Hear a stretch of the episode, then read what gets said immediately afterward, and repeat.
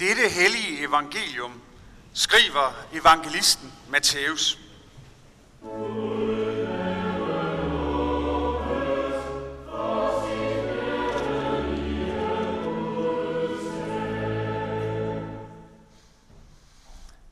Da Jesus var kommet ned fra bjerget, fulgte store folkeskare ham. Og se, en spedalsk kom og kastede sig ned for ham og sagde, Herre, hvis du vil, kan du gøre mig ren. Jesus rakte hånden ud, rørte ved ham og sagde, Jeg vil blive ren. Og straks blev manden renset for sin spedalskhed. Men Jesus sagde til ham, Se til, at du ikke siger det til nogen, men gå hen og bliv undersøgt af præsten og bring den offergave, Moses har fastsat som et vidnesbyrd for dem. Da Jesus gik ind i Kapernaum, kom en officer hen og bad ham. Herre, min tjener ligger lammet derhjemme og lider forfærdeligt. Jesus sagde til ham, jeg vil komme og helbrede ham. Men officeren sagde, Herre, jeg er for ringe til, at du går ind under mit tag. Men sig blot et ord, så vil min tjener blive helbredt. Jeg er jo selv en mand under kommando og har soldater under mig. Siger jeg til en, gå, så går han. Og til en anden, kom, så kommer han. Og til min tjener, gør det og det, så gør han det. Da Jesus hørte det, undrede han sig og sagde til dem, der fulgte ham, Sandelig siger jeg jer, så stor en tro har jeg ikke fundet hos nogen i Israel. Jeg siger jer, mange skal komme fra øst og vest og sidde til bords med Abraham og Isak og Jakob i himmeriget, men rigets egne børn skal kastes ud i mørket udenfor. Der skal der være gråd og tænderskæren. Men til officeren sagde Jesus, gå, det skal ske der, som du troede. Og hans tjener blev helbredt i samme time. Amen.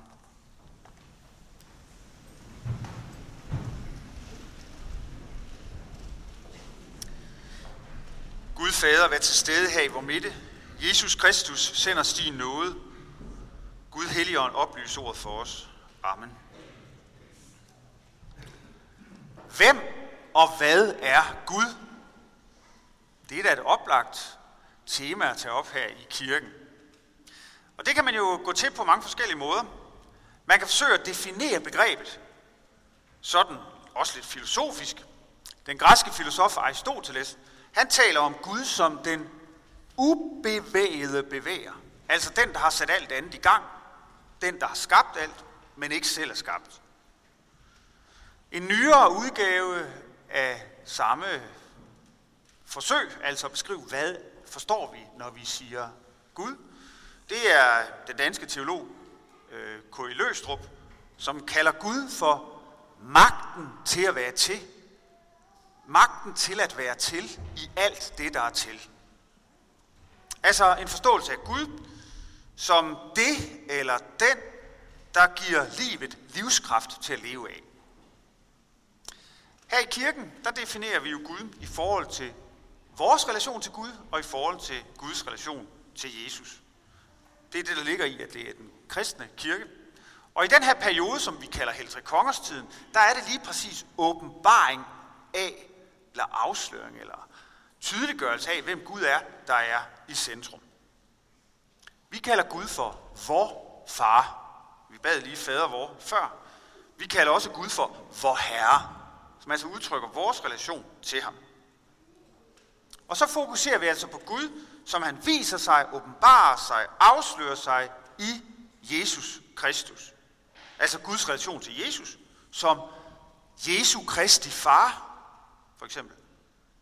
Og når vi skal understrege enheden mellem Jesus Kristus, Guds søn, og Gud som skaber og far, og Guds ånd, Helligånden, ja, så taler vi om den treenige Gud. Og det hørte vi jo tydeligt gjort, beskrevet i handling, da vi havde dåb lige før, hvor alle børnene blev døbt i faderens, søndens og helligåndens navn. Og det allerførste, som lød der, det var lovprisningen fra 1. Peters brev. Lovet være Gud, vor Herre Jesu Kristi Far.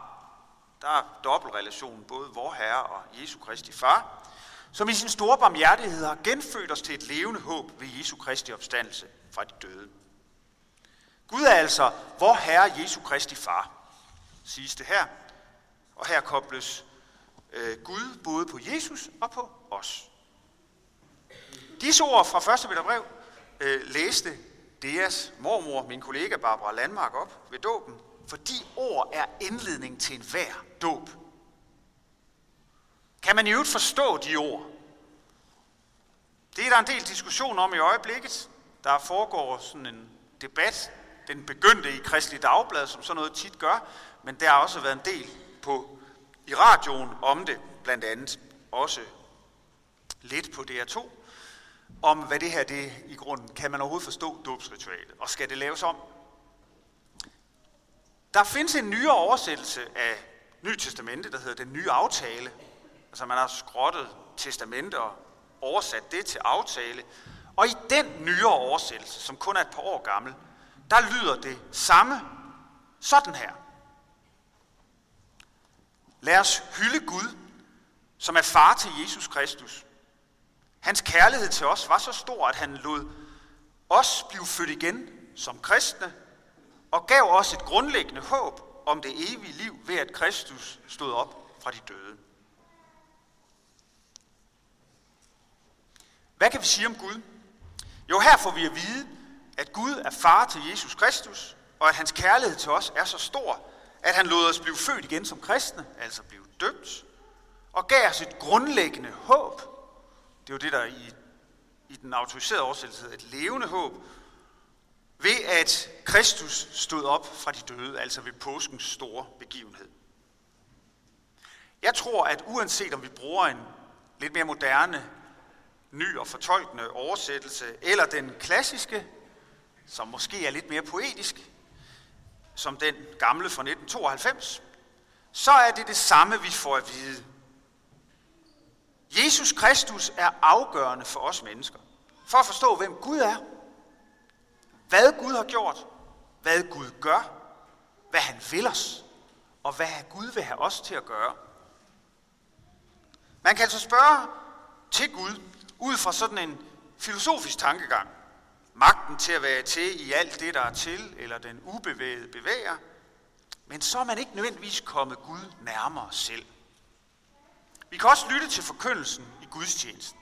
Det er jo det, vi gør, når vi samles her, som vi har gjort her i, i dag.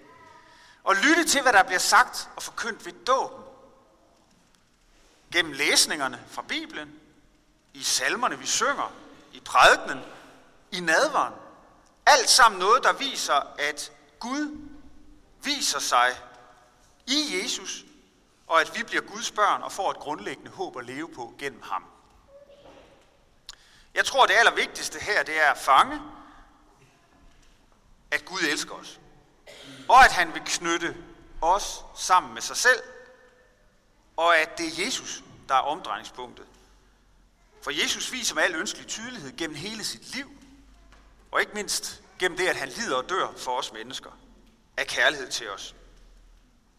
Og et afgørende aspekt ved Guds kærlighed til os mennesker, det er, at den kærlighed rummer tilgivelsen. Gud elsker os ikke kun, når vi er så søde og uskyldige, som når man kigger på de tre, der lige er blevet døbt. Eller sådan. Han elsker os heller ikke kun, når vi sådan er nogenlunde hederlige og har gjort, hvad vi kunne. Han elsker os også, når vi fejler, når vi svigter, når vi gør hinanden ondt. Og han elsker også dem, vi svigter og gør ondt.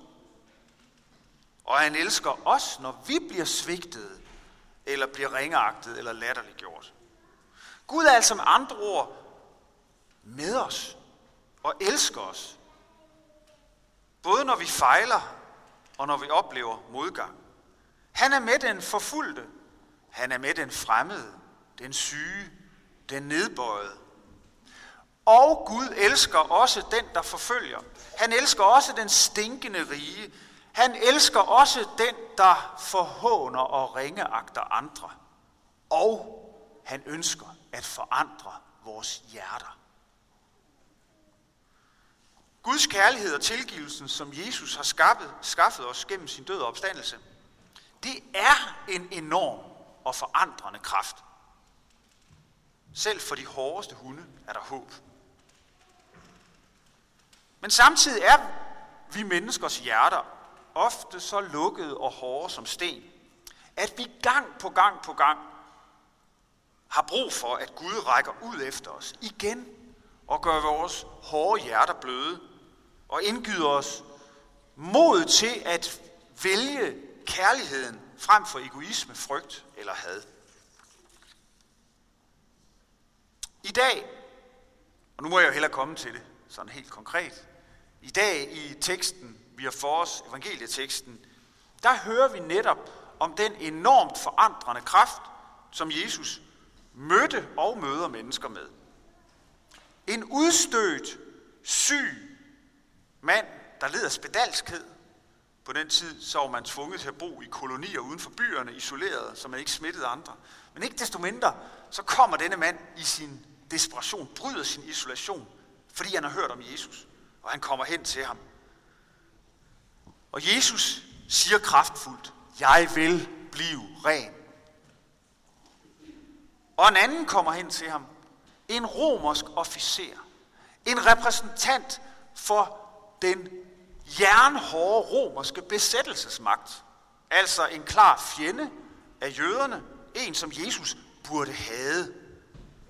Men denne romerske officer kommer altså til Jesus i sin fortvivlelse over, at han har en, en øh, syg tjener derhjemme. Med det samme håb som den spedalske. Og Jesus siger straks til denne fremmede, denne repræsentant for besættelsesmagten, jeg vil komme og helbrede ham.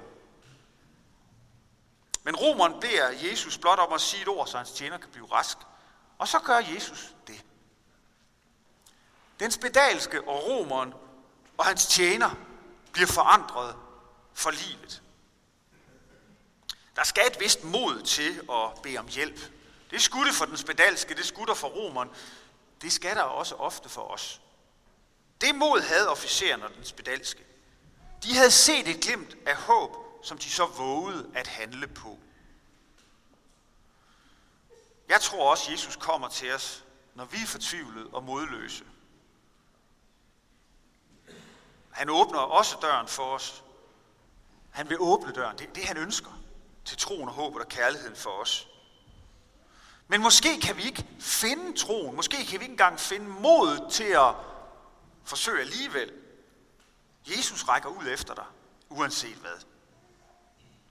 Den spedalske sagde jo også, hvis vi lagde mærke til det, hvis du vil til Jesus. Altså det var et råb om hjælp med forbehold, for at det var forgæves at råbe. Det tror jeg helt ærligt, selvom det jo er en, en, en, et, et råb om hjælp, der er fyldt af skepsis og, og tvivl faktisk, men altså også mod, så tror jeg faktisk, det er et eksempel til efterfølgelse for os. Har vi svært ved at tro, jamen så kald på Gud alligevel. Hør på og lyt til at tænke over, hvad det er, han siger til os. Hvem er Gud? Det var sådan, jeg begyndte. Altså udover at være den ubevægede bevæger, eller magten til at være til i alt, der er til, hvis vi skal definere det på den måde. Og hvem er Gud? Udover at være Jesu Kristi far, som elsker os med en livsforandrende kraft, ja, så hører vi altså flere ting i dag. Den gamle tekst fra 5.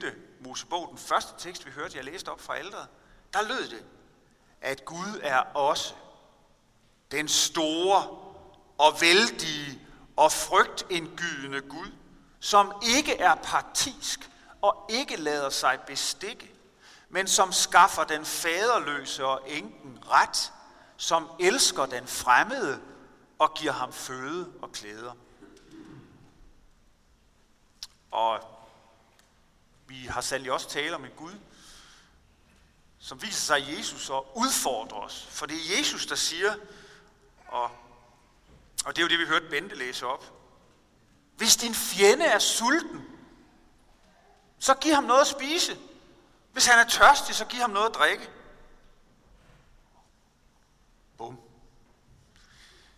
Gud er kærlighed, og gå i kirke, det er sådan en slags åndelig wellness.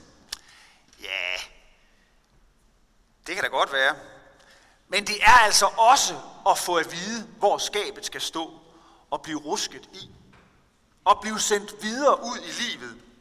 elsket, den røde løber er rullet ud, og udfordret til selv at elske.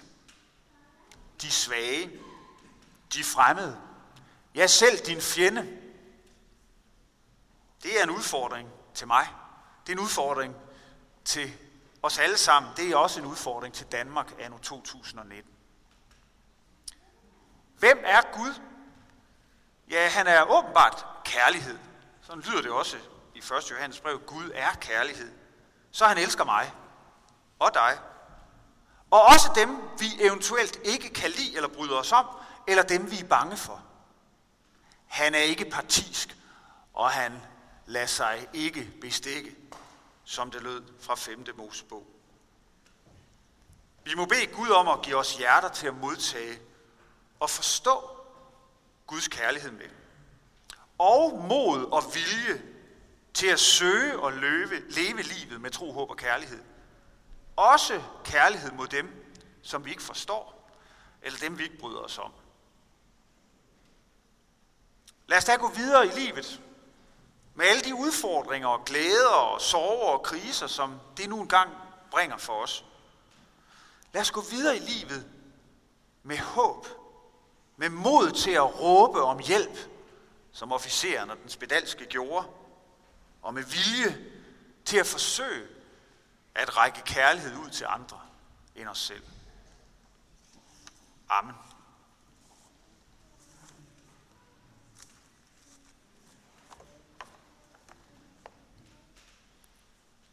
Lov og tak og evig ære være dig, vor Gud, Fader, Søn og Helligånd.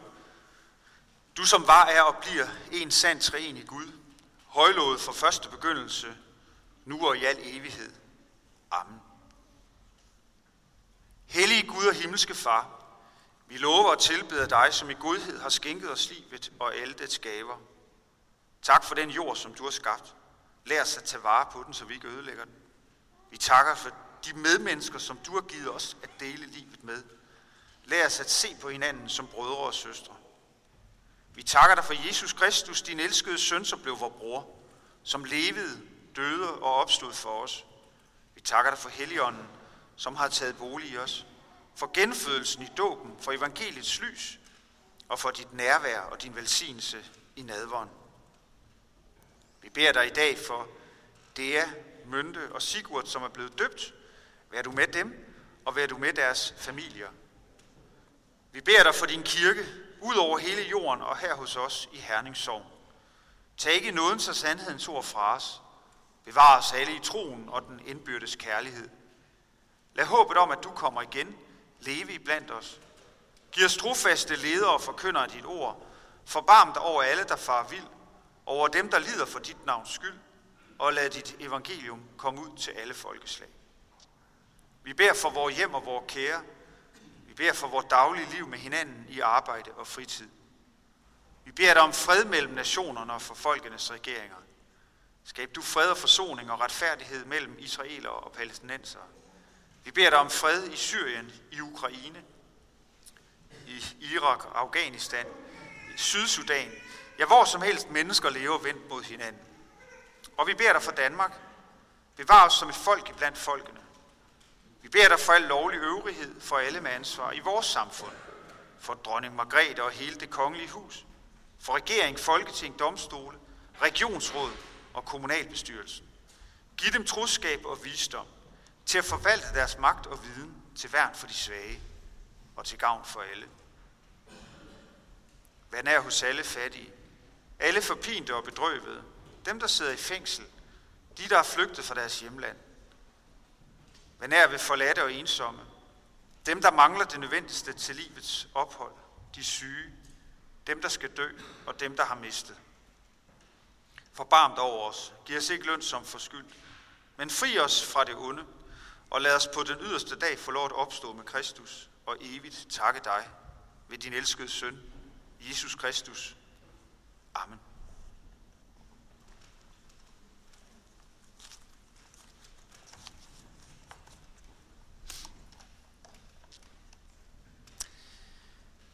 Jeg skal sige lidt om, hvad der kommer til at ske den kommende uge. Allerede i eftermiddag kl. 16.30 er der her i kirken frimesse øh, med efterfølgende pizzaspisning. Og øh, så er der jo gudstjenester på næste søndag. Det er øh, 3. februar. Der begynder vi igen med at have fromesser inde i sakristiet, altså fra 8.30. Der er også skriftemål i sakristiet 9.40, og så altså højmesse her i kirken, og alle tjenesterne er ved min kollega Bo Knudsen. Omkring næste øh, uge, der er der på tirsdag i Betania et stormøde, og samme dag er der her kl. 19 i kirken øh, koncert ved organist her ved kirken, Morten Bunk, som spiller Johann Sebastian Bach, blandt andet med uddrag af Dritter Teil, gratis adgang. Og øh, på onsdag mødes, øh, mødes Kirkecaféen, og det er jo som vanligt her i byggeperioden den næste års tid i Betania, og det er Ville Stampe, der står for den. I kirken på torsdag mødes babysalmesangsgruppen 10.15, og der er legestue i Betania øh, her den 1. februar, fredag kl. 9.30. Og så er der rytmisk gudstjeneste her om aftenen øh, i kirken, øh, 1. februar kl. 8. På lørdag den 2. februar, der er der Herning Kirkehøjskole, som jo er et fælles samarbejde mellem de fem kirker her i Herning. Og det er Leif Vestergaard fra Aarhus, der taler om, hvorfor går kirkerne ikke i takt? Og det hele ses som et oplæg frem mod de store himmelske dage, danske kirkedag Kristi Himmelfartsferien her i år. Der er også, øh, også på lørdag øh, en koncert kl. 19.30 lørdag aften med MidtVest Pigekor i anledning af Kammermusikfestivalen Vintertoner, og øh, der er værker af Vivaldi og Britten. Og så vil jeg også bare lige øh, komme med en kort foromtale, øh, fordi at forårets temaaftener, sovnaftener her i øh, kirken, de øh, begynder øh, næst følgende uge. Den 6. februar kommer sovnpræst Christian Bøger fra Jelling, og han vil tale over emnet den umenneskelige værdighed. Og der vil han komme ind på alle aspekter omkring øh, og dilemmaer omkring aktiv dødshjælp. Det er en aften, sovnaften i Betania kl. 19.30 den 6. og der, det koster 50 kroner. Vi samler i dag ind til Kristelig Handicapforening, som arbejder med at skabe gode og trygge rammer øh, for mennesker med handicap af forskellige slags. Tak for en hver gave til det formål. Og efter, Øh, efter gudstjenesten, så mødes vi jo til kirkekaffe, det er der i hvert fald mulighed for, og det foregår jo også her i byggeperioden, ligesom så meget andet, i Betania, lige over på den anden side af Nygade.